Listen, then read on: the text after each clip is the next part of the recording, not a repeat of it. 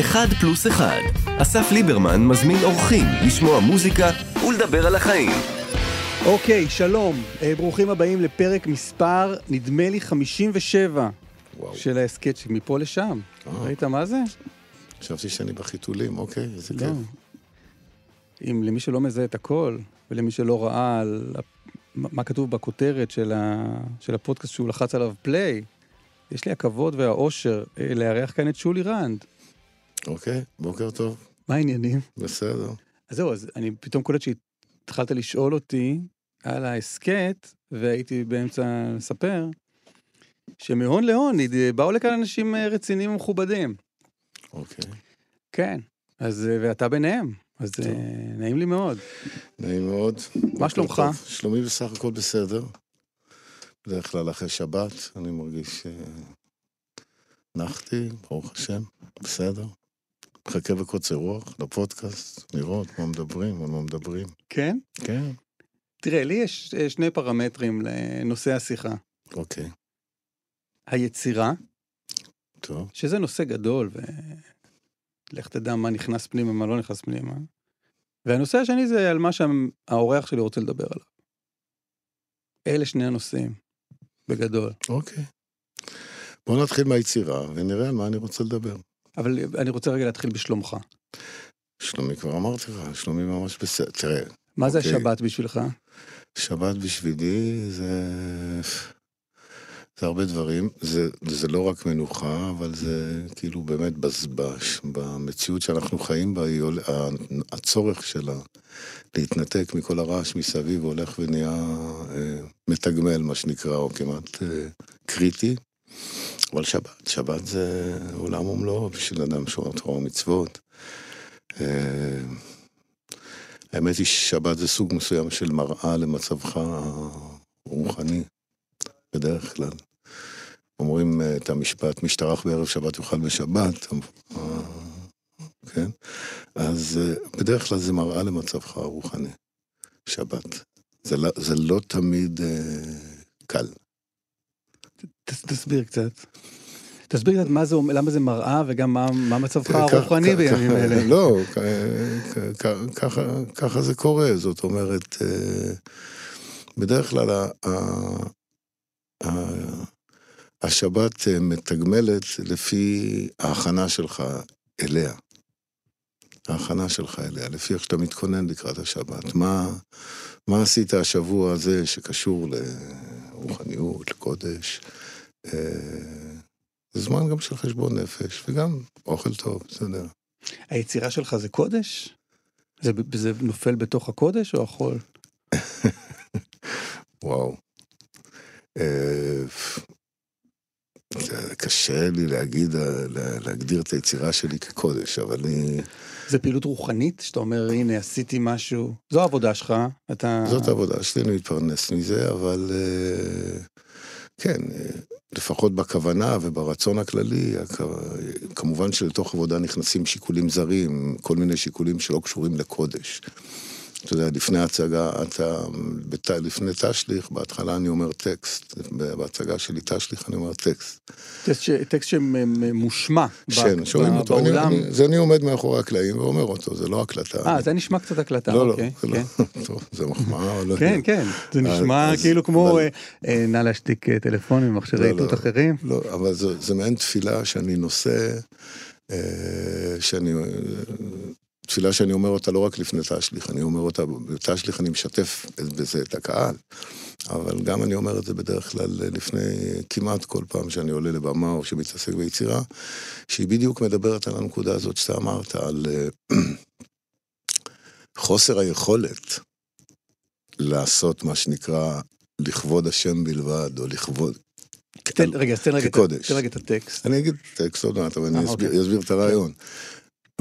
הטקסט אומר, אה, הוא בעיקר מדבר על חוסר האונים שלי, אני אומר, ריבונו של עולם, אתה מכיר אותי, אתה יודע שאפילו תפילת מנחה, איזה פרק תהילים קטן, אני לא יכול באמת לכוון ולהגיד לכבודך בלבד, שנכנסים בזה נגיעות על גבי נגיעות ומחשבות וכולי וכולי.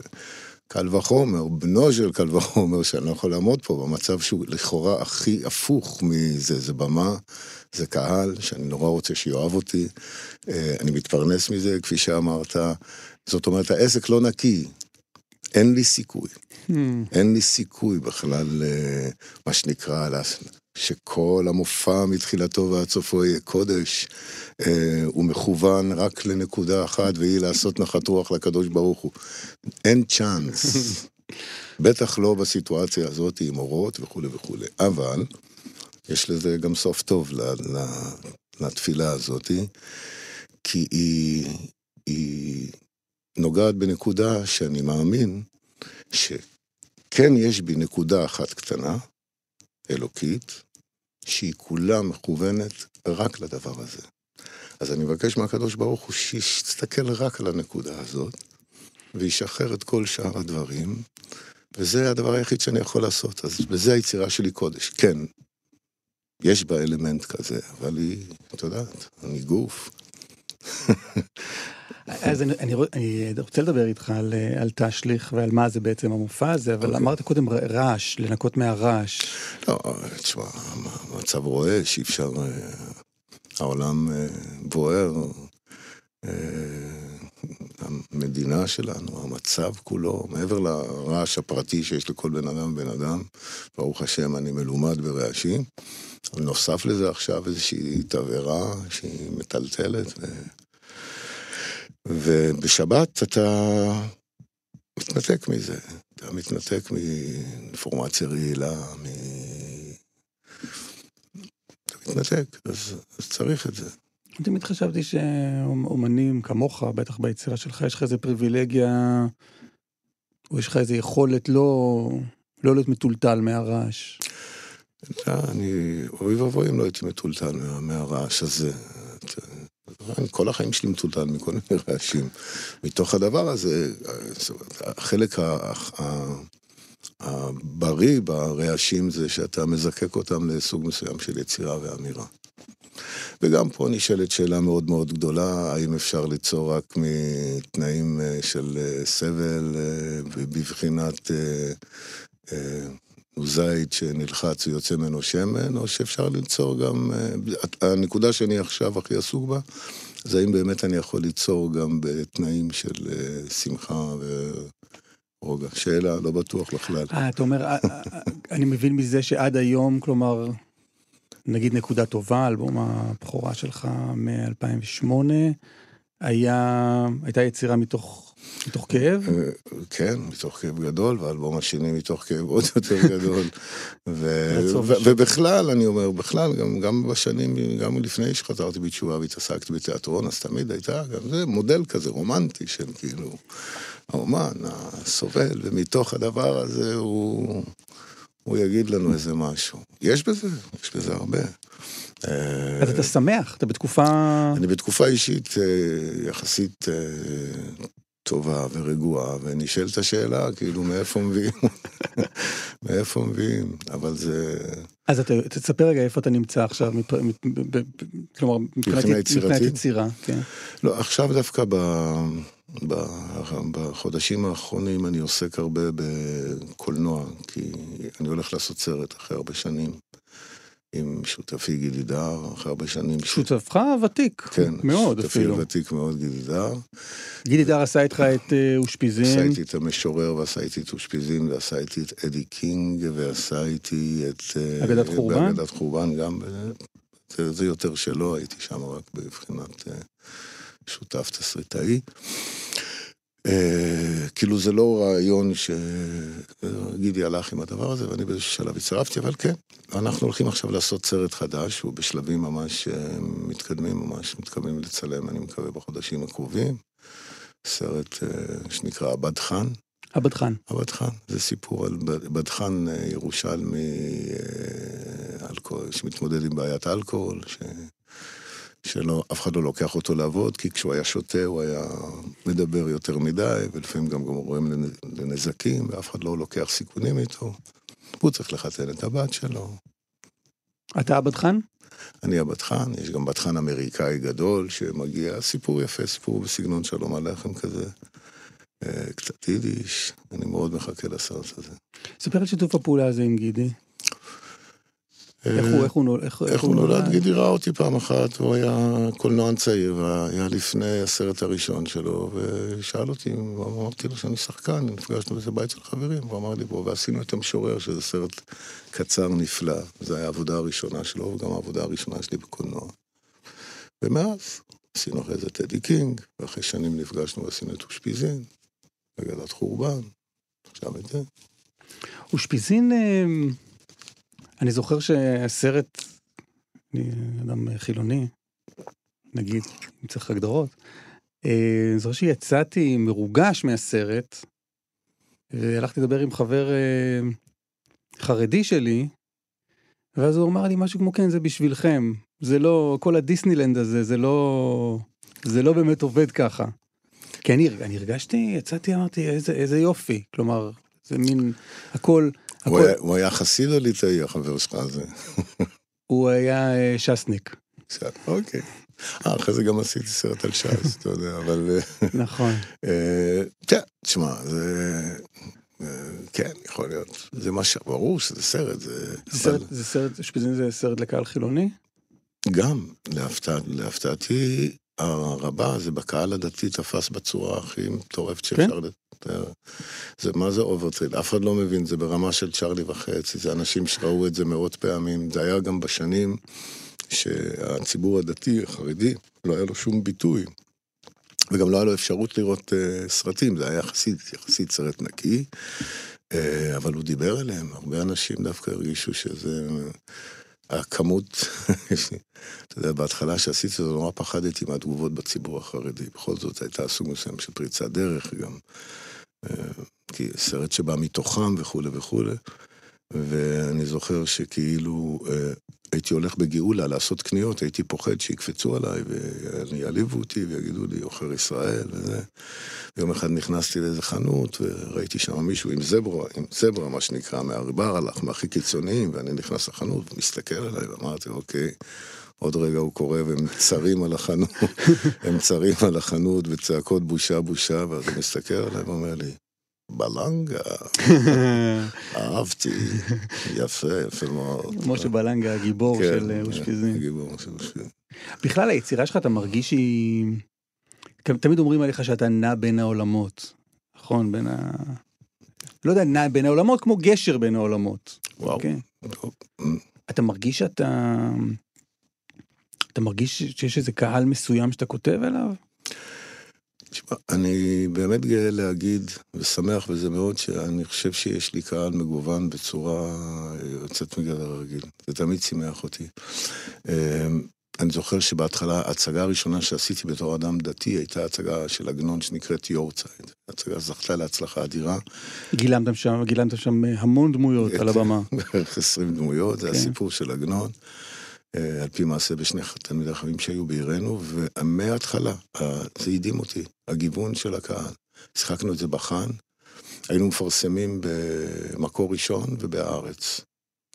ותמיד אמרתי, איזה כיף זה שיכולים אה, לשבת שעה וחצי בלי לנבוח אחד על השני ולהתעסק במשהו אחר. אבל עד עכשיו אני...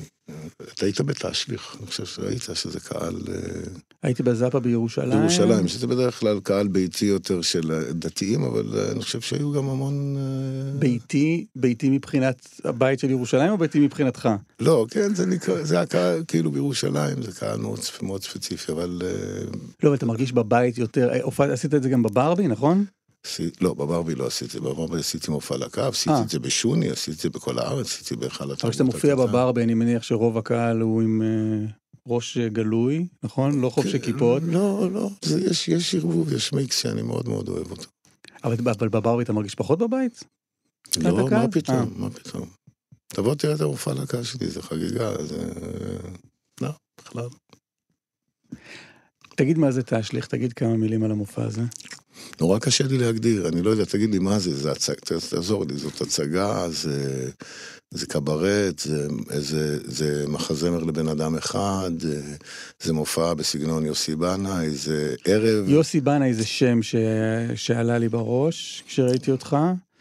מה, ש... מה שקצת אתה, זה, זה מופע שבו אתה, אתה מספר על עצמך, כן. די באופן כרונולוגי גם, על חייך. על נקודה אחת בחיי, על הקשר שלי עם...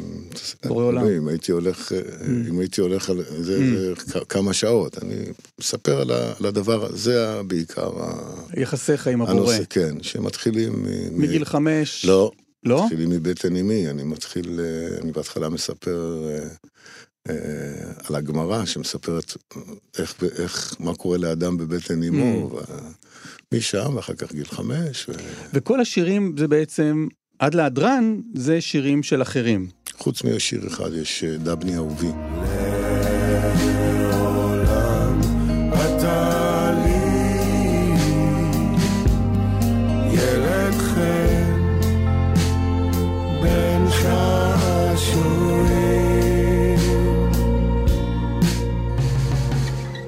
זו החלטה מאוד מעניינת לאומן. כלומר, להניח בצד למופע הזה את, שיריו שלו, ואתה אתה בעשייה, אתה עדיין יוצר, אתה... השירים שלך גם כל כך אהובים. היה רק היה צריך לראות את הקהל כשעלית עם, אה, עם שני השירים בהדרן. כן, אה, כמה, כמה הם כמה הקהל מחכה.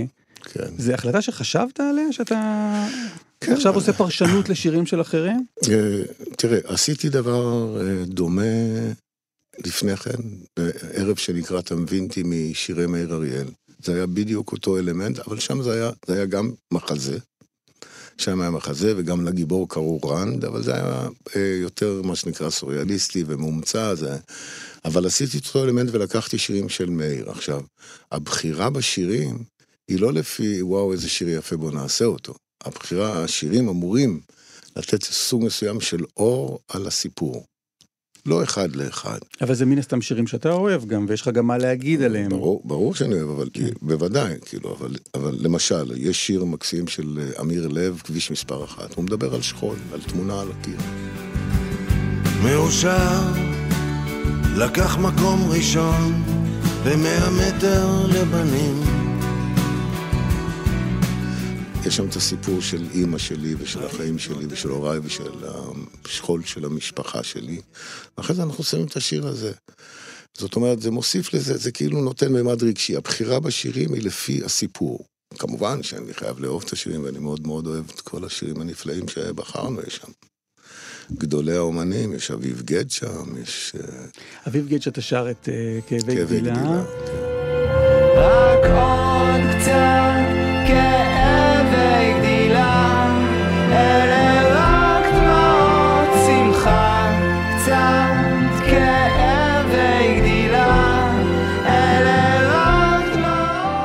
אחד הלקחים, אתה יודע, הלקחים הכי גדולים שהיו לי, זה היה לי מפגש פעם, כשהייתי שחקן נורא נורא צעיר עם אה, במאי בשם אנג'י ויידה, זיכרונו לברכה, במאי הפולני. פולני, הוא בא לפה לעשות את הדיבוק, ואני, זה היה התפקיד הראשון שלי, והייתי שחקן צעיר ונלהב, ומהר מאוד, כאילו, זה היה דמות של אברך, הרגשתי את ההזדהות, הזד... אה, אה, התנדנדתי, מצאתי את זה נורא מהר, ואז הוא לקח אותי לצד ואמר לי, שולי, תשמע, השחקן הכי גדול בלהקה שלי בפולין, עד הפרמיירה, אין לאף אחד מושג מה הוא הולך לעשות. תיקח את זה, אל תחליט. וזה נכנס לי קצת מאוד מאוד, אה, זה, זה, לא, לא, זה נכנס בי מאוד מאוד חזק. לקחתי את זה למקומות מאוד קיצוניים בזמנו כשהייתי שחקן צעיר, כי נורא רציתי להיות כמו השחקן הכי טוב אצל אנשי ויידה. אז uh, הרגעים שאני לא יודע הם מאוד מאוד ארוכים אצלי. ארוכים אצלי. כשחקן הייתי לפעמים באמת מגיע לפרמיירות, כאילו עם התקף חרדה כמובן, שלי ושל הבמאים, אבל הייתי יכול להגיע... אה, כאילו, מאוד מאוד, עד, עד הרגע שאתה עושה, כאילו, עוד, תאסוף עוד, תאסוף, אל תדע כל כך מהר, אל תדע כל כך מהר על מה אתה... אז איפה זה פה? איפה זה בחיים שלך עכשיו, החוסר ידיעה הזו?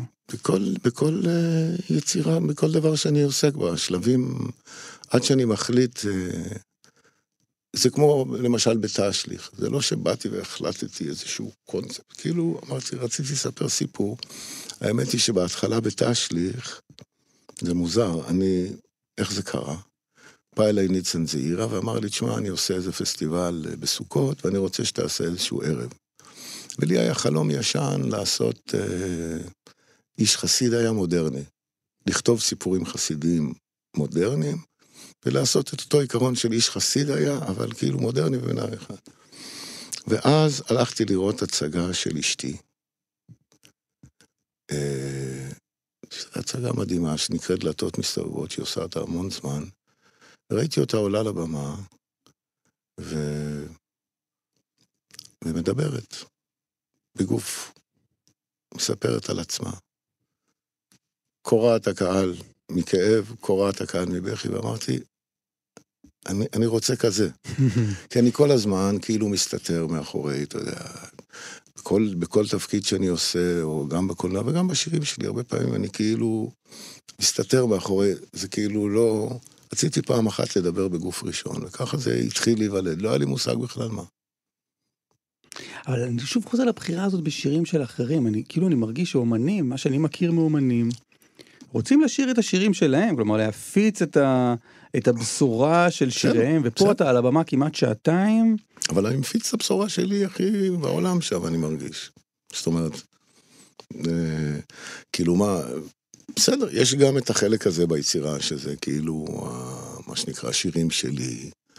עשיתי אל- אלבום שלם של שירי אמיר בניון. אה, וזה, זה, אני מרגיש עם זה הכי שלי, אתה עושה דברים שאתה יכול דרכם לבטא. אני לא חושב שכאילו היה שיר אחד במופע שביצעתי אותו. אמרתי משהו, במקרים... לא, לגמרי. עונג, עד העונג הבא, למשל, כאילו, לקחתי אותו לכיוון אחר לגמרי.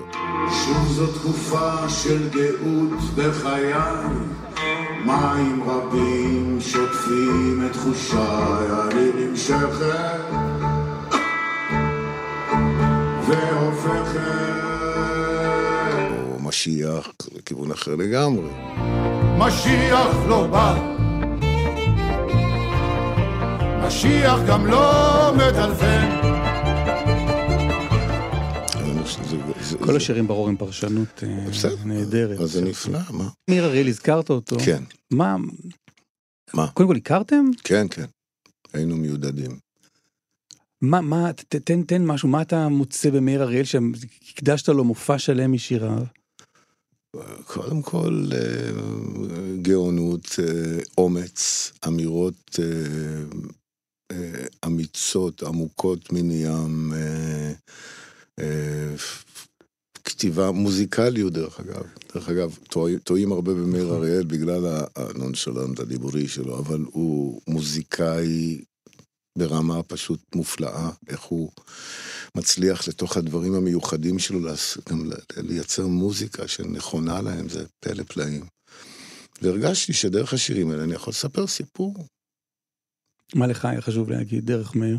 דרך מאיר התעסקתי בנושא של משיחיות דווקא, כי כאילו הסיפור שם, אה, הסיפור שם זה על מישהו שקם בבוקר ומחליט שכלו כל הקיצין, הוא נפגש עם כל מיני אנשים בשכונה שכבר איבדו את הסבלנות, אה, ניסים בעל האיסורים, יעקב הנרקומן הקדוש, מאיר אפיקוירס, הוא נפגש עם כולם, והוא מבין שלמעשה זאת, אה, בסופו של דבר הוא מבין שזאת שליחות שלו. להביא את המשיח והוא משתגע ומגיע לזה. הכל התחיל מכש... אה, מהסיפור שלו, הדשא של השכן שמדבר על שיגעון. אתם ודאי גם מכירים את הפתגם, הדשא של השכן ירוק יותר. אני הייתי מקפיד על זה, שהדשא של השכן שלי תמיד יהיה ירוק יותר. בסוף זה שלוקחים אותו לבית משוגעים, עת השתחררתי. כן. אני, אני, לא, אני, אני לא רואה בזה גם לא... כאילו, אני, אני, השאלה שלך, שחוזר עליה, אני לא רואה בזה, לא, לא מצד ענווה, בכלל לא, ממש, זה לא, זה לא, לא, לא אלא ההפך, אני רואה בזה כאילו, יש אפשרות לספר סיפור, אני אוהב סיפורים, אז אני אספר את זה דרכי, אני אספר את זה, אני לא מרגיש באף ביצוע שאני אה, עושה ש... כאילו, הוא, ח... הוא חקיינות, הרי אני לא זמר, אתה יודע, עכשיו, שיכול להביא איזה, איזה, איזה חידוש ווקאלי שאף אחד לא יכול היה, אז אה, אני חייב להתעכב על המשפט הזה, אני לא זמר. ת- תעכב. כי אתה מאוד זמר, הרי. אה, אה, אתה קצת, מה שמעניין פה, אני מניח שהדור שלי וצעירים ממני מכירים אותך בפאזה הזאת שלך. אדם אה, חרד, זמר, זמר חרדי. זמר חתונות. ועשית קריירה מפוארת בתור שחקן, בעיקר בתיאטרון, בגלגול הקודם שלך, ואז בגיל יחסית מאוחר, התנעת את הקריירה הזאת של להיות אה, אומן ששר. כן. תאר את, את, ה- את ההולדת הזו. קרה בזכות uh, השליח, מה שנקרא, היה לעורר את ה... אתה יודע, כמו כולם, גם אני רציתי uh, להיות זמר, ורציתי להיות... גם הייתה לך אפיזודה כן. בשנת 85 כן. עם הוצאת שני כן, שירים, הוצאתי שני שירים. אחד מהם לכאורה נבואי, אה, נכון? יוסי תחזור, הגעתי למקום 19 ב- במצעד. אה, לא רע כן, בכלל. כן. יש אנשים שמוציאים שירים ולא אבל- מגיעים לשום אבל- מקום. כן. יוסי תחזור, אה, אדם שחוזר בתשובה, והחברים החילונים אומרים לו, יוסי תחזור. יוסי כן, תחזור." כן, אבל אז אה, נכנסתי, אתה יודע, כמו כולם רציתי להיות, לשיר, אבל אז נכנסתי לעולם התיאטרון, והתיאטרון בלע אותי בליעה... עזה. עזה, שאת כל העניין של המוזיקה די... די אה, שכחתי, אני לא מוזיקאי, אני לא יודע תווים, אני לא יודע, אני מחזיק גיטרה פה ושם, אבל אה, אני, אני מלחין על גיטרה לפעמים, אבל הרוב אני מלחין בראש. איזה שיר עשית על הגיטרה? איזה שיר אתה עושה על גיטרה ב... את היקה, היקה. כן, אבל... אה, אז אה, היה לי מפגש עם אמיר בניון, מפגש מאוד מיוחד, לא ידעתי מי זה, הוא התקשר אליי, אמר לי ערב טוב, קודם לי אמיר בניון, אמרתי שלום אמיר בניון, לא ידעתי בדיוק מי זה, אז הייתי בתוך עולם החרדי, לא הייתי... רגע, אני רגע פה פותח סוגריים. כן. היית בתוך העולם, כלומר, בין עזיבת התיאטרון והחזרה בתשובה לבין הופעתך עם האלבום נקודה טובה, איפה היית? לא, אז קודם כל, הייתי, הייתי בתוך העולם החרדי, הייתי ביש, ב, ב, ב, בישיבה בירושלים, למדתי, הייתי אברך. אה, דאגות פרנסה, אברך, משפחה, ילדים, בתוך אה, ריצה כזאת. אז סליחה רגע, אז אני מרחיב עוד את הסוגריים, אוקיי. בסדר? אנחנו נגיע לאמיר בן-נון, אבל אתה גדלת בבית אה, דתי-לאומי, כן, נכון? דתי לאומי, כן. חזרת ב- בשאלה, ואז חזרת בתשובה והפכת... חס- חסיד חס- ברסלב. כן, אה, חסיד ברסלב. בחסידות ברסלב לא כל כך מהר יגידו לך אני חסיד ברסלב, יגידו אני רוצה להיות חסיד ברסלב. כי להיות חסיד ברסלב זה לא דבר פשוט בכלל, זה...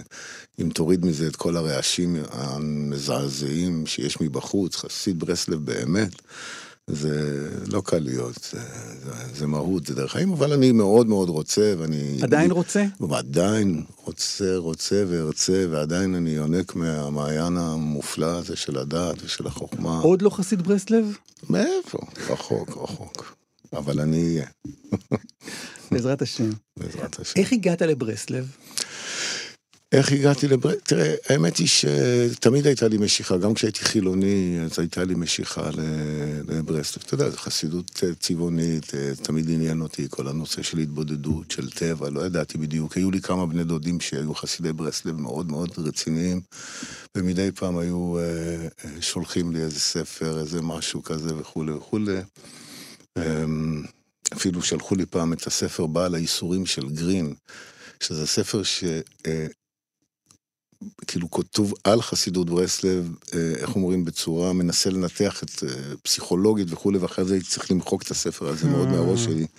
כי... כי אתה הסוציולוגיה לא מעניינת אותך, אתה. רוצה את ה... לא, כי זה הקשה לי על האמונה, זה כאילו ניתח את זה, Mm. לא משנה. וכשחזרתי בתשובה בהתחלה דווקא הגעתי לישיבה ליטאית וכולי וכולי וכולי, אבל מהר מאוד הגעתי לברסלב. אה, ואתה קצת לועג ב- בתשליך, אתה קצת לועג לרגע הזה של מה אנשים חושבים על חזרה בתשובה. אתה כן. מספר שם איזה סיפור שאתה... כן, כן, כן. יודע, אתה יודע, עברתי תאונת דרכים וניצלתי וראיתי כן. את הגאולה ואז... כן, כן. אבל אתה לא מספר מה בכל זאת... שמעתי כמה רעיונות שלך לקראת מפגשנו זה. אוקיי. אני, אני כן סקרן לשמוע מה כן היה שם. אתה כל הזמן אומר היה סקרנות ו- ואף פעם לא זנחתי לגמרי את האמונה או את האל, אבל, אבל מה אז- כן אז קרה אני- שם? אני- אז גם אני אומר את זה, ב- אני אומר את זה בתשליך, זה תמיד שואלים אותי אה, על השאלה הזאת, התשובה הכנה ביותר שאני יכול להגיד, זה אין לי מושג. למה? כי החזרה שלי לא הייתה שכלית. זאת אומרת, לא הייתי צריך מישהו שיוכיח לי בשכל, ואז אני אגיד ככה. אני זוכר שלקחו אותי בהתחלת התשובה לאיזה סמינר שישבו שם האנשים הכי חכמים בעולם והוכיחו לך באותות ובמופתים ובליקוטי אותיות ובכל מיני סברות אה, אה, ש, שאין מציאות ש, שהתורה היא לא אמת, זה שיאמם אותי. Hmm. שיאמם אותי. אז לכן אני באמת חזרתי בתשובה, אני באמת אומר לך את זה בכנות, אה, שאני מרגיש כאילו הקדוש ברוך הוא פשוט הגיע הזמן שלי, תפס אותי באף, לא היה לי שום סיבה לחזור בתשובה. הייתי בתיאטרון, מאושר, פעיל, גם מרגיש נורא רוחני, מתעסק בנפש האדם, בעניינים שברומו של עולם, משפיע. אה, זכיתי באמת לעבוד עם הגדולים שבגדולים, זכיתי לעבוד אתה אומר, איתם. זה לא שהרגשתי זה לא חילוני ריק הסיפור הזה, והבל כן, הבלים. של העגלה הריקה ואני ריקני ולא שום דבר ולא שום משבר ולא שום דבר, נהפוך הוא, עוד עתידי היה לפניי ונורא רציתי להתחיל לעבור לב, לביים וב, ובתיאטרון מאוד רצו שאני אתחיל לעבור לביים והיה לי מעמד על והרווחתי כסף ובעיקר עסקתי בדבר שאני כל כך אוהב. מילא אותי, איזה ריקני. אני הייתי מלא באופן אה, גדוש, כל עבודה שלי על תפקיד זה היה צלילה, בריחה מהעולם, ברוך השם, הייתי במצב הכי זה, ואף על פי כן חזרתי בתשובה במהירות אדירה. אז, אז, אבל, אבל מה, מה, מה זה אז- משך אותי באף? תן לי, תן לי משהו. אז אני אומר, אני אומר, זה, קשה לי להסביר את זה, אבל אני מסביר את זה, ב, אני אומר בתשליך, אני אומר שם, מה אני אגיד להם? מה אני אגיד לך עכשיו? שמה? שהתחלתי להרגיש געגועים, דבר, געגועים וצמאון, ובאמת געגועים אדירים למשהו תמיר ונעלם, שאני כן מקשר את זה לבית שלי. כי הבית שלי היה בית אה, טוב, והיהדות שטיווחו לי בה, אותה בה, הייתה יהדות של לא הייתי צריך לצאת מ... מ אתה יודע, לא הייתי צריך להפעיל כוחות של שנאה ואיבה. גדלתי בבית אה, בריא, פתוח, מלא אהבה, מלא מוזיקה, מלא יהדות, אבל טובה. לא היה שום דבר אה, אגרסיבי, כפוי שם. אבל זו הייתה החלטה שאתה אומר, אוקיי, אני חש געגועים, אני קם והולך, לא, כזה? אז, אז לא, אז שוב, זה הולך, זה, אתה יודע, זה, זה תהליך מסוים, שאתה... את הרגע שהחלטתי אה, לקבל עליי עול תורה ומצוות, זה גם כן היה בשלבים. העניין של השבת, אני נורא רציתי, נורא נורא, הנה הגענו לשבת, נורא רציתי לשמור שבת, ובגלל שהייתי מעשן הרבה סיגריות, ולא ראיתי את עצמי מסוגל לעשות את הדבר הזה, זה דבר טיפשי. מזמן רציתי לשבת. כל החיים שלי כמעט, מוצאי שבת, הייתה לי תחושה איומה. כל החיים שחיללתי שבתות. הייתה לי תחושה כזאת, באמת. אה, אז זה התחיל בשלבים. כשהצלחתי לשמור שבת אחת, רציתי, פשוט רציתי את זה. פתאום רציתי את התורה, נורא רציתי ללמוד. נורא רציתי, הרגשתי שזה חסר לי, היה לי צמאון אז ללימוד, ללמוד. ל... הרגשתי שלא חזרתי מפחד בכלל. אתה יודע, אה, אני זוכר משפטים שאמרתי לעצמי כשחזרתי בתשובה, הרי אני באתי מה... כשיצאתי, חלק מהאכזבה שלי היה פער בין בני האדם לבין הקדוש ברוך הוא. היה, בתור ילד, הייתי ילד רגיש. אני זוכר, דבר, היו דברים שמזעזעים אותי, למשל, שהייתי שומע שמדברים לשון הרע ביום כיפור, או על החזן, שהוא במקרה אבא שלי. או שרבים על המעבר. זה, זה דברים קטנים, אבל אני אומר, הפער בין הקדוש ברוך הוא, בין התורה לבין בני האדם, היה אחד הדברים ש... שהוציאו אותי החוצה. וכשחזרתי בתשובה אמרתי לעצמי שלא אכפת לי שיהיו כולם צבועים, רשעים, מרושעים, זה לא משנה את העובדה שהתורה היא אמת, ושהקדוש ברוך הוא טוב ו... ו... ונעים, ודרכיו דרכי נועם, אז לא אכפת לי. כי הרבה בעלי תשובה שחוזרים בתשובה שאין להם מושג מה זה העולם הדתי, בדרך כלל אומרים שנה ופרש, בן אדם שלמד ו... ועזב, כאילו דתל"ש מה שנקרא, אז תשובתו קשה. אני דווקא, זה היה לי, בגלל הדבר, היה לי משהו קל בדבר הזה, כי לא היו לי ציפיות. זאת אומרת, mm. כשנתקלתי בדברים חברתיים, או שאתה רואה את הפער בין בני האדם לבין הקדוש ברוך הוא, בדרך כלל אני מכיר הרבה בעלי תשובה שהדבר הזה גמר אותם, הם לא היו מסוגלים לעשות את ההפרדה, אפילו אנשים חכמים מאוד. ולי, בגלל שבאתי עם הדבר הזה, אני זוכר שאמרתי את זה לעצמי, אל תתבלבל, אז המשוכה הזאת, האכזבה הזאת מהפער בין התורה ומימושה, או בין בני האדם והתורה, היה לי יותר קטן. וגם ידעת אבל לאן אתה הולך מבחינת ברסלב? ממה מצופה מ... או מה עושים בברסלב, ההתבודדויות? לא, מהר מאוד אתה לומד בברסלב, אתה, את העקרונות הראשונים אתה לומד מהר מאוד, ואתה עוד באורות של התשובה, אתה, אתה רוצה לבלוע את העולם, אתה רוצה... אומר, אני, אין יום, ב, ב, אין חצות לילה שאני לא אתבודד, ואני אעשה הכל, ואני אדבר עם הכל. דרך אגב, זאת חוויה גם, במיוחד בהתחלה.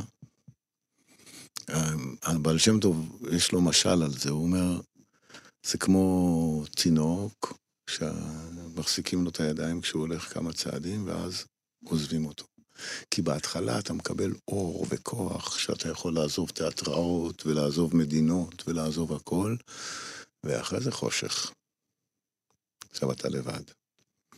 וזה שלב שגם כן, אה, הרבה נופלים בו כמו זבובים. אבל גם, גם הדחיפה הראשונית הזאת והתחושה הזאת, מאיפה... מאיפה... הדחיפה הראשונית הזאת היא, היא, היא, היא, באמונה שלי זה סוג מסוים של אור שנותנים לך מ, מ, מלמעלה. אני יכול להסביר את זה פסיכולוגיה. בהתחלה למשל, אתה לא יודע את הגבולות שלך. אתה בטוח שאתה תהיה, כמו שאני בתשליך אומר, אתה בטוח שזה עניין של כמה חודשים ואתה צדיק יסוד עולם, זהו. אז זה נותן הרבה כוח, כי אתה לא יודע את הגבולות שלך, Mm. אתה עוד לא יודע שאיזה, שהדרך הזאת היא דרך, דרך, דרך, ולא נפסקת עד זיבול הבטרייתא, זאת דרך. אבל אה, אה, אח, אחר כך יש אה, טק, חושך. אני מאמין שהדברים האלה הם אה, כאילו משמיים, כמו ביציאת מצרים. ביציאת מצרים אנחנו קיבלנו... אומרים שמה שראתה שפחה על הים, העלובה בבנות ישראל לא ראה יחזקאל בן בוזי, אתה, מק- כי הם קיבלו שם מכת אור שהם לא היו ראויים לה, הם לא הרוויחו את זה בעבודה רוחנית, הם היו עבדים. במ"ט שערי תנועה, במצב הרוחני הכי ירוד שאפשר בכלל לדמיין. הם קיבלו מכה של אור, שיאפשר להם לצאת משם. אחרי זה חושך. אז. מתוך החושך הזה נכתב האלבום הראשון? נקודה טובה? אה, אה, כן, חלקים ממנו, כן, חלקים ממנו, נקודה טובה. חלקים ממנו נכתבו מתוך מצב, למשל השיר היקה.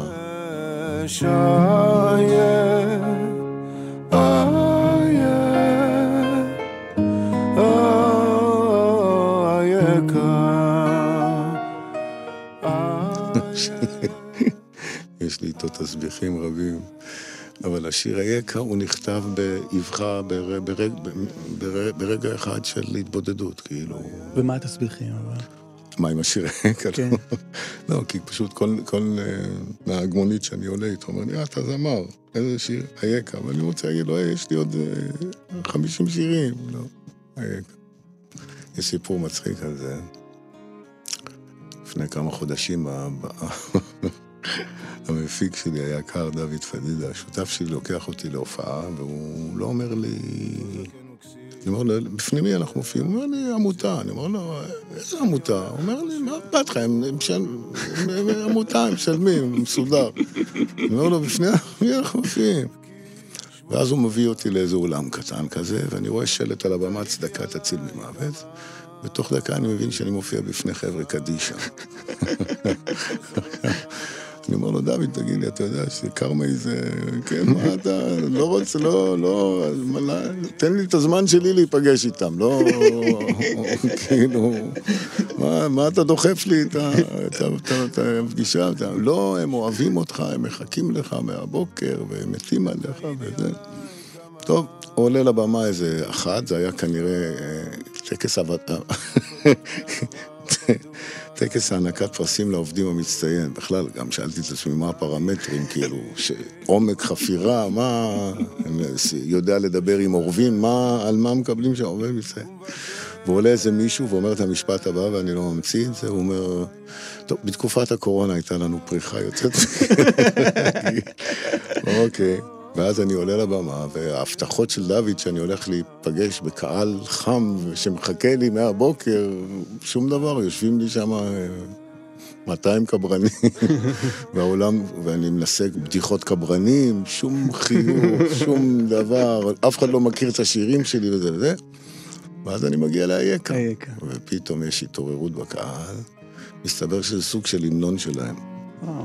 ויש שם בית שאני אומר, בסופו של יום נפלט אל החוף, האדמה הרחומה אותי אליה תאסוף, כבר הייתה שם שירה בציבור, ובסוף ההופעה, ובסוף ההופעה הם באו ורצו לקחת אותי על הכתפיים, ואמרתי, עד כאן, חבר'ה, לא סומך עליכם.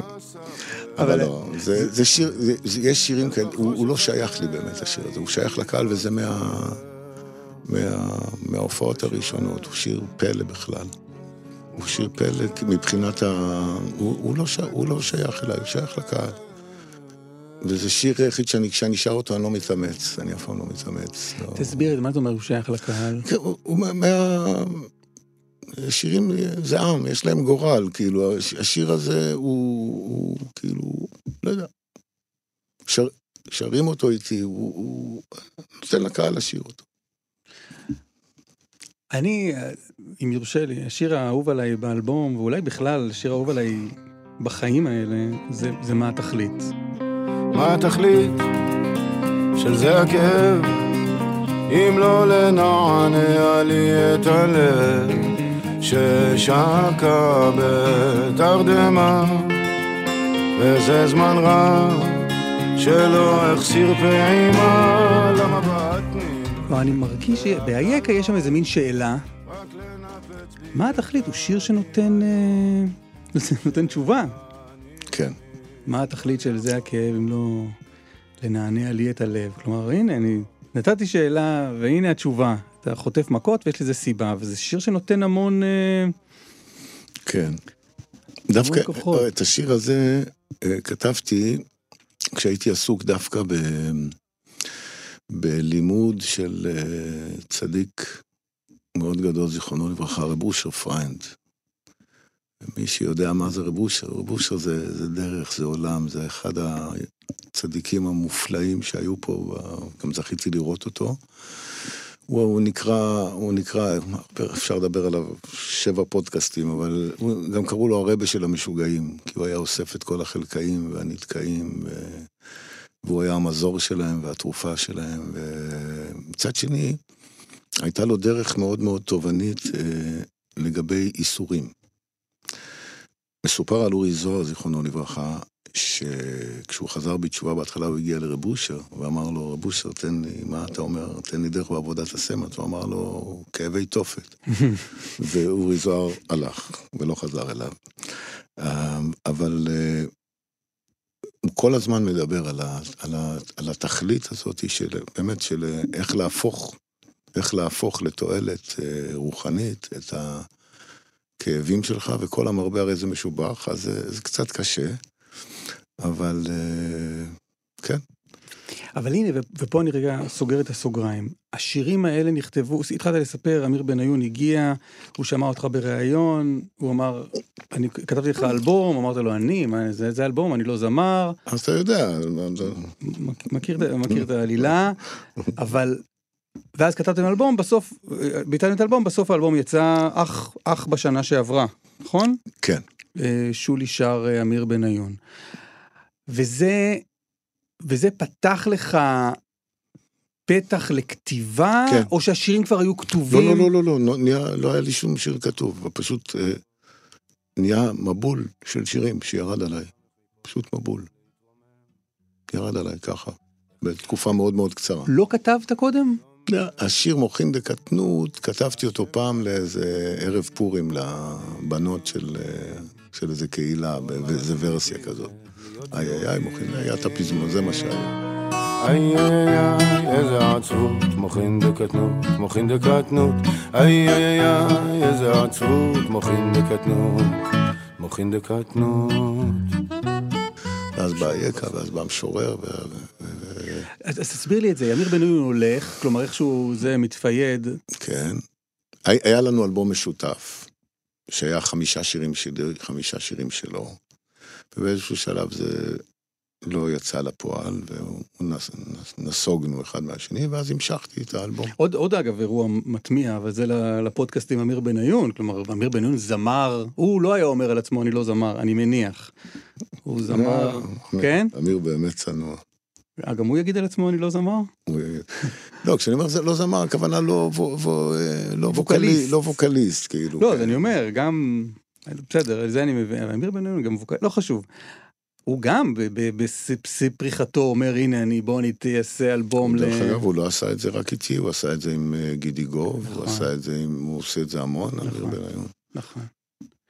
אבל אז, לא, הוא לא מבצע שירים של אחרים, כן. אבל הוא כן כותב לאחרים. אז, אז, הוא, אז היוזמה הזאת כאילו מתפיידת, זזה, ואז אתה פשוט יושב... ו- כן, כן, זה כבר היה, כבר היו חמישה שירים כמעט במצב טוב, והיו כבר, הכנתי עוד. ו- רגע, החמישה שירים הם אמרו כאילו חלקם הם מה... כל נקודה כולם. טובה, כן, אה, זה- זה אוקיי. נקודת, זה השור- הבסיס של נקודה טובה, היו חמישה שירים, היה את רפאל, היה את המשורר, היה את אייכה, היה מה התכלית, היה נקודה טובה, ואז נוספו בן מלך שעשו כל מיני. אמרת קודם, אני לא, אני לא, אני לא, אני לא מוזיקאי, נכון, אני לא, לא יודע גיטרה, כמעט בקושי, אז איך, איך, איך, איך השירים האלה באו לעולם? הרבה, הרבה בשדות, הרבה בהתבודדויות, ב, ב, ב, ב, הרבה מחוץ לזה, ואחרי זה, אתה יודע, אני באתי, אני כן יודע, ל- חלק מהשירים הצלחתי לנגן, חלק פחות, ואז היו לי חברים טובים כבר, שעמית יצחק, הגיטריסט, אה, ושמוליק דניאל, וכאילו הם, מה שנקרא, עזרו לי להבין מה עשיתי.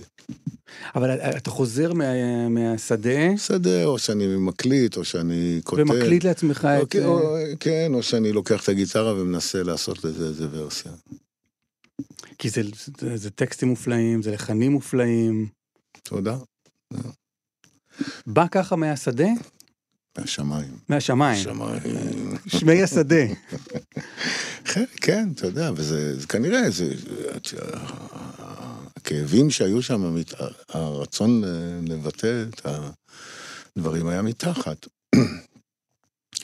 וזה גם היה ברמה אישית, אתה יודע, יחסי, אמרתי לך מקודם, עד אז, בסדר, ביורצייט עשיתי 20 דמויות, ואחרי זה עשיתי עוד הצגה מים אחרונים ועשיתי 15 דמויות, אבל כאילו, את הכאב שלי, את המבט שלי, כאילו...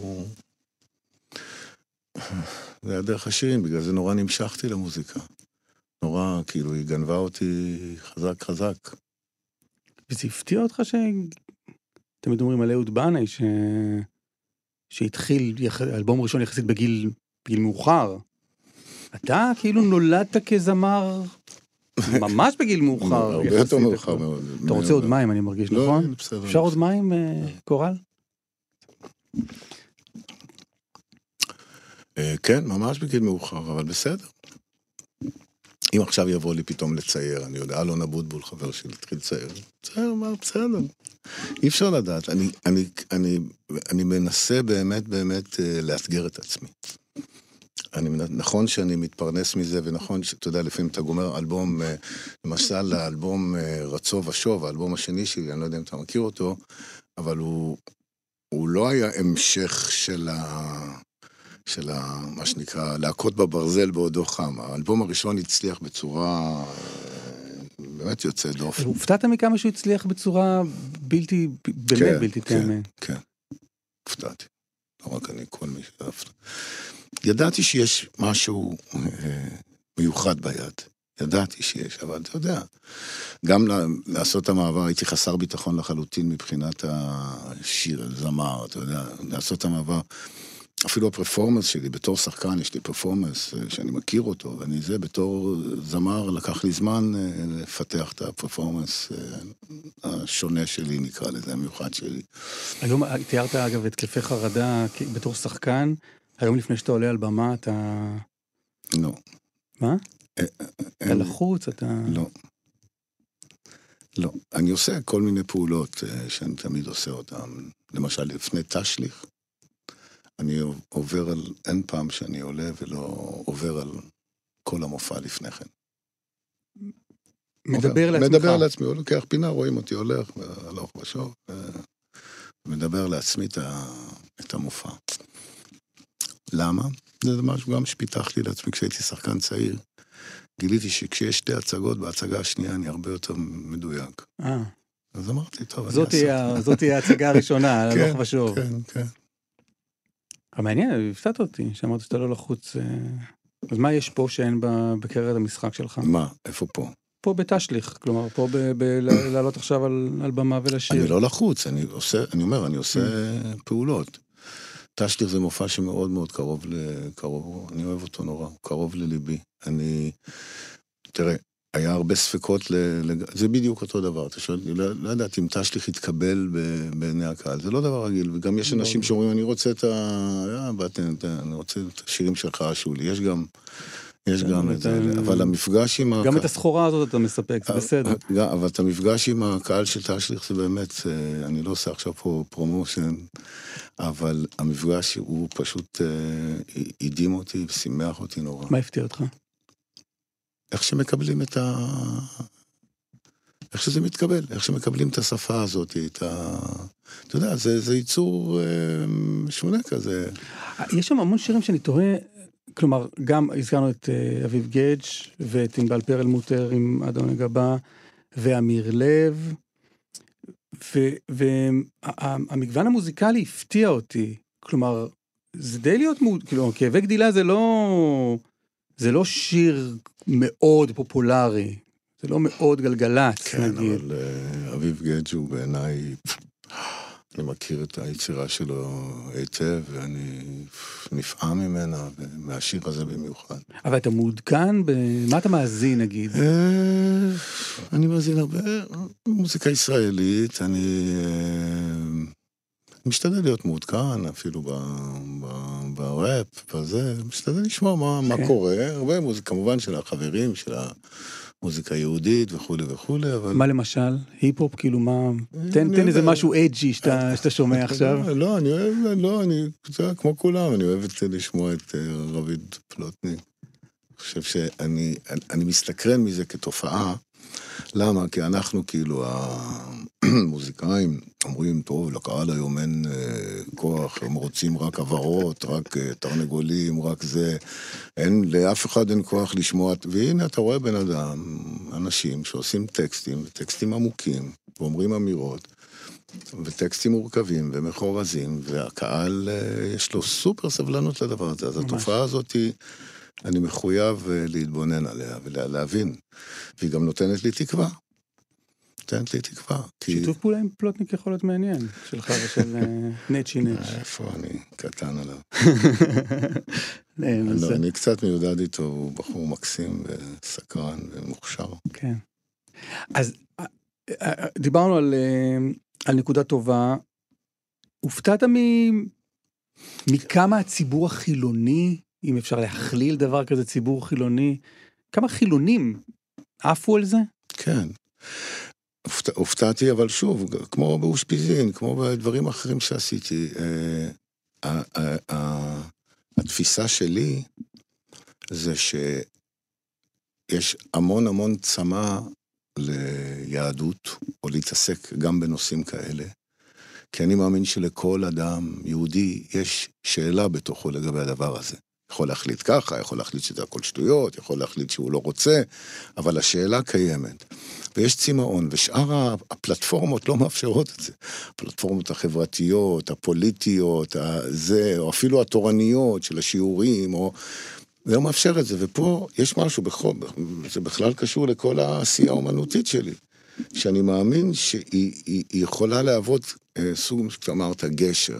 היא יכולה לאפשר לאנשים להתמודד עם הנקודה הזאת, בלי להכריע עכשיו. בלי להכריע, אבל להתמודד עם הנקודה הזאת, כי יש צמא אדיר. עכשיו, עזוב אותי רגע. איש העירי בו. מדבר רק קודש. קודש, קודש, קודש. תראה מה זה. זאת אומרת, אה, וחנן גם, יש לו הרבה דברים. ו- בן ארי. וחנן בן ארי, ו- ו- ו- ואביתר. אתה רואה צמאון אדיר. עכשיו, אז אני חושב שזה תפקידה של האומנות. תפקידה של האומנות היהודית היא להוות גשר לא מבחינת שבואו ו...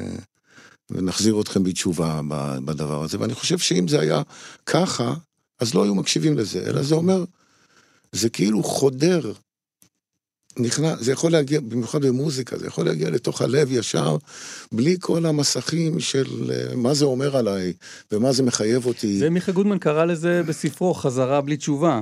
אוקיי. כלומר, בוא תכיר, תכיר ותדע ותעמיק גם בלי אחר כך אה, להפוך כן, אבל, בסוף. אבל אני מאמין באמונה שלי. תשמע, אני חסיד, כמו כן. שאמרתי לך שאני מאמין שיש בי נקודה שהיא קדושה, אני גם מאמין שבך יש נקודה, ואני מאמין שבכל אחד יש את הנקודה הזאת. הנקודה הזאת קיימת, והצמאון הוא קיים, ועכשיו לא נותנים שום פלטפורמה. התורה מתווכת על, בעיקר על ידי פוליטיקה ו- ו- ודברים כאלה שסוגרים את כל היופי, את, כל, את המעיין הנפלא הזה. והמוזיקה, בעיקר, וגם אומנות, היא עושה את ה... זה כמו לספר סיפור, אני חולה על סיפורים. כי מה יש בסיפור? בסיפור אתה כביכול, הוא לא מחייב אותך. אתה שומע סיפור עליו, אתה שומע סיפור על שולי רן, מדבר על הכאבים שלו, עם- על הגעגועים שלו, בסדר. זה לא אומר עליי שום דבר כביכול, אבל אתה יכול להתחבר על זה, כי זה לא אומר עליך שום, כביכול זה לא מחייב אותך. וזה הכוח של האומנות. רב נחמן מברסלב אמר לתלמידים שלו, הרי יש את הספר סיפורי מעשיות, שעכשיו אני גם מנסה להמחיז אה, אחד מהסיפורים שם. לנסות אה, גם כן, בסדר. מה, זה לא- לעלות על במה כאילו? אני לא יודע מה יהיה עם זה, התחלתי ל... איזה? אה, מעשה באבידת בת מלך. אה, שזה חלום ישן שלי ואני מנסה לעשות את זה. תן את הקציר המעשייה. על מעשייה באבידת כן. מלך זה סיפור על אבדה, על מלך שהייתה לו בת, שהוא מאוד אהב אותה, ופעם אחת הוא כעס עליה, ואמר לה שהלא טוב ייקח אותך, והיא נעלמה באמת, והלא טוב לקח אותה, והוא נורא הצטער. ו... במשך שנים מנסה כן, להחזיר אותה. כן, כן, זה, זה מסע, זה משל על חיפוש, משל שהוא גם אוניברסלי וגם מאוד מאוד מאוד יהודי, וזו המעשייה הראשונה. אבל רב נחמן מברסלב אמר לתלמידים שלו, טוב, אני אתחיל לספר לכם סיפורים. כביכול, התייאשתי מלעשות אתכם בני אדם על ידי התורות שלי, אני עכשיו רוצה לספר לכם סיפורים. והוא פצח בסדרת סיפורים גאוניים, מופלאים, מסתוריים, מרגשים, עצובים, מצחיקים. מה, מה, כן, סיפורי מעשיות משנים קדמניות קוראים לזה. וזה זה, זה על, אותו, על אותו עיקרון. על אותו עיקרון, יש משהו בסיפור. כשאתה מספר סיפור, אז אתה, אתה יכול להגיע פשוט לתוך הלב של האנשים. ולגרום להם לפעמים לחשוב, או להרגיש, או להתרגז, או לא יודע מה. אני אוהב סיפורים. מספרי סיפורים, אני מאוד אוהב. אני רוצה רגע לחזור לנקודה ש... שהתחלנו בה לגבי הרעש, ושאתה מרגיש את הרעש מבחוץ. איפה זה פוגש אותך? יש לך מחשבות על הסיטואציה שאנחנו נמצאים בה? לא רוצה ממך תשובה לכמה שופטים צריכים להיות בוועדה למינוי שופטים מצד זה או אחר, פשוט מה, איך, איך אתה תופס את את המציאות תראה, כרגע? תראה, אני, אני אגיד לך, איתך, אמרנו, דיברנו על זה קצת מקודם, ואני אגיד לך, יש כאילו כביכול תביעה. מאומנים שיגידו את דעתם. דבר, דבר. דבר, דבר, ואם אתה לא מדבר, אז אתה, אה, אה, אתה פוחד על הקהל שלך, אתה התקרנפת, אתה... אני נורא לא מתחבר לזה, כי אני לא מרגיש שהבעת דעתי, הבעת דעתי לגבי הסיטואציה, אתה שואל אותי אם... אתה עכשיו יושב מולי ואומר, מי יושב מולי פה? רפורמיסט מתועב? או, או דמוקרט מזויף? מי יושב פה מולי? מהר, תגיד לי, תגיד לי עכשיו, עכשיו. רציתם שאני אדבר? לא, לא רצינו שתדבר. אף אחד לא מעניין אותו מה יש לך להגיד, מה יש, מה, מה יש לי להגיד שלא אמרו. מעניין אותנו... לשייך או- אותך למחנה. לשייך אותך למחנה ולקבל כוח. ואם לא, אתה... ובכן, אה, דעתי... תופים, רגע, תופים. פרסומת זהב אחת, ומיד, דעתו של שולי רן. דעתי הלא חשובה, הלא חשובה, והבלתי נשמעת, אה, היא מורכבת. היא באמת מורכבת. ואני נורא נורא משתדל לא להיצמד לסוג מסוים של אג'נדה שיגרום לי לאבד את השכל הישר, ושאני לא יכול לראות כמה וכמה צדדים בכל אפשרות. דבר אחד אני יכול להגיד לך, חייבים שלום. חייבים לשנות את השיח. חייבים לשנות את החשיבה המאפנית, איך אומרים? איך אתם אומרים האינטלקטואלים השמאלנים? סתם. דיכוטומית הזאת. חייבים, חייבים לשנות את הדבר הזה, כי אם לא, זה לא משנה מה יקרה בכלל. השאלה פה לא מי צודק. השאלה פה היא לא מי צודק בכלל. השאלה היא אחרת לגמרי. ואני מאוד מודאג מהדבר הזה, ואני בדרך כלל לא טיפוס שמודאג מדברים כאלה. אה, אבל אני מאוד מודאג לא מהאפשרות להפך לדיקטטורה, או לא מהמשך דיקטטורה מוסווה, אני לא מודאג מזה, אני מודאג מ... מ, מ, מ כן, אני אגיד, מגופים ואנשים לא אחראיים שעניינם הוא פשוט להמשיך לעבוד עלינו ולשסות אותנו אחד בשני. שזה מאוד מזכיר את הסיטואציה ב- בסרט שבו שיתפת פעולה יחד עם חברך גידי דר. שם- אגדת, אגדת חורבן. מה זה, זה, זה, זה, זה, זה בדיוק מה שקרה, זה, זה, זה כל האמירה של הסרט. מה זה משנה מי צודק? מה זה משנה מי צודק? צודק פה מי שידע אה, אה, להיכנס לתוך הלב של השני. בשביל זה גם צריך להיות מסוגלים לראות. אה, כל- הצדדים, יש להם מה להגיד, זה לא... לא, לא רואה פה מפלצות, לא רואה פה זה... אני מודאג. תגיד לסיום, שאלתי אותך על, ה... על היצירה העכשווית שלך. זה סיום, כבר כבר עברה שעה. כן, מה לעשות. נו, טוב. אפשר להישאר. עוד לא אבל- התחלנו אפשר בכלל. להישאר. אמ, לא, רציתי להגיד לך משהו קודם על זה, אם כבר, אם, אם, אתה נינוח ויש לך עוד זמן בשבילי. אמרת, קודם- אני שומע הרבה ממך, אבל לא רק ממך, אנשים שחזרו בתשובה, אבל שלא יחשבו שאני מנסה להחזיר אתכם בתשובה. ואני אומר לעצמי, סליחה רגע, ואם אני רוצה, כלומר, אם, אה, אם הייתי רוצה רגע שאתה, שאתה, אני מתעניין הרי במה קרה לך, כדי, כדי, בוא, תן לי רגע, לא רוצה לבחון אופציות. למה, לא כולם הרי כל כך קנאים לחילוניותם. אני, אז אתה אומר, אני, עזוב אותי, אני חי את החיים שלי, שלא תחשוב שאני בא לעשות לך משהו, אבל אין לי בכלל גם רצון, כלומר, מעבר ל... להתנצלות הראשונית הזאת. אני אשמח מאוד אם נצא מפה ואתה תתחיל לבכות, ותגיד, אני מרגיש פרץ געגועים, אני רוצה לחזור בתשובה. אני מאוד מאוד אשמח. אני מאוד מאוד אשמח. אתה יודע, אני חי עם אישה אה, לא דתית, אוקיי? ואני אגיד לך מה, מה אומר המשפט הזה, מבחינתי. יהדות היא בחירה. אני לא הולך לבטל לך את הבחירה. אין לי שום רצון. זה כמו מישהו שיעשה משהו אה, בכוח.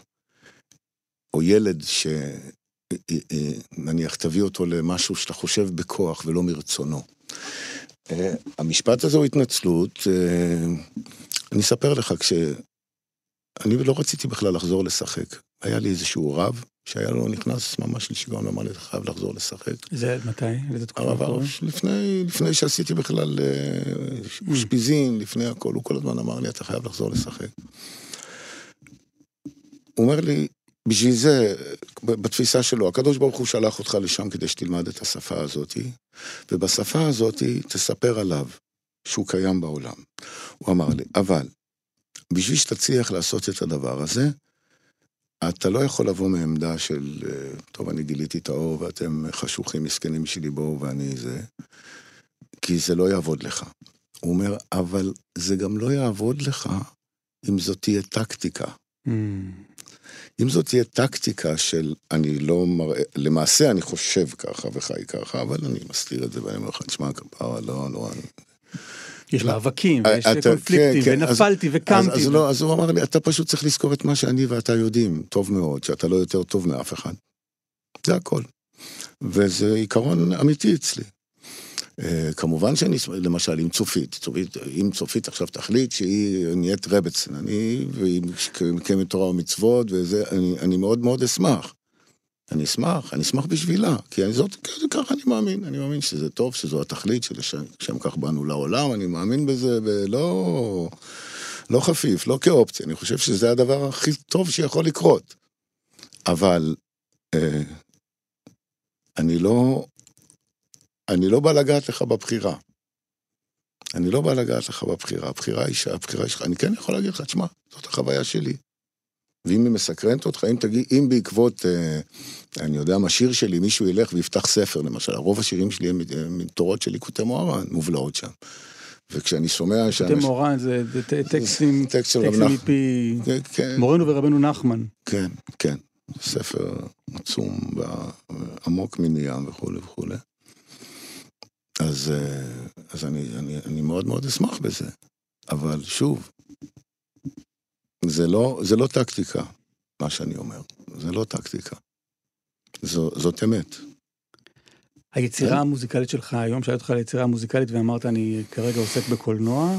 בקולנוע לא, אני גם, אני גם אה, מסביב למוזיקה, אני דווקא בשלב, יש כל מיני שלבים, יש שלב של עיבור, ועכשיו אני דווקא בשלב של אה, לידה קצת, קצת התינוק מתחיל לבעוט, אה, יש כל מיני דברים, ואני לא יודע מה זה, אני אגיד לך את האמת, אני גם...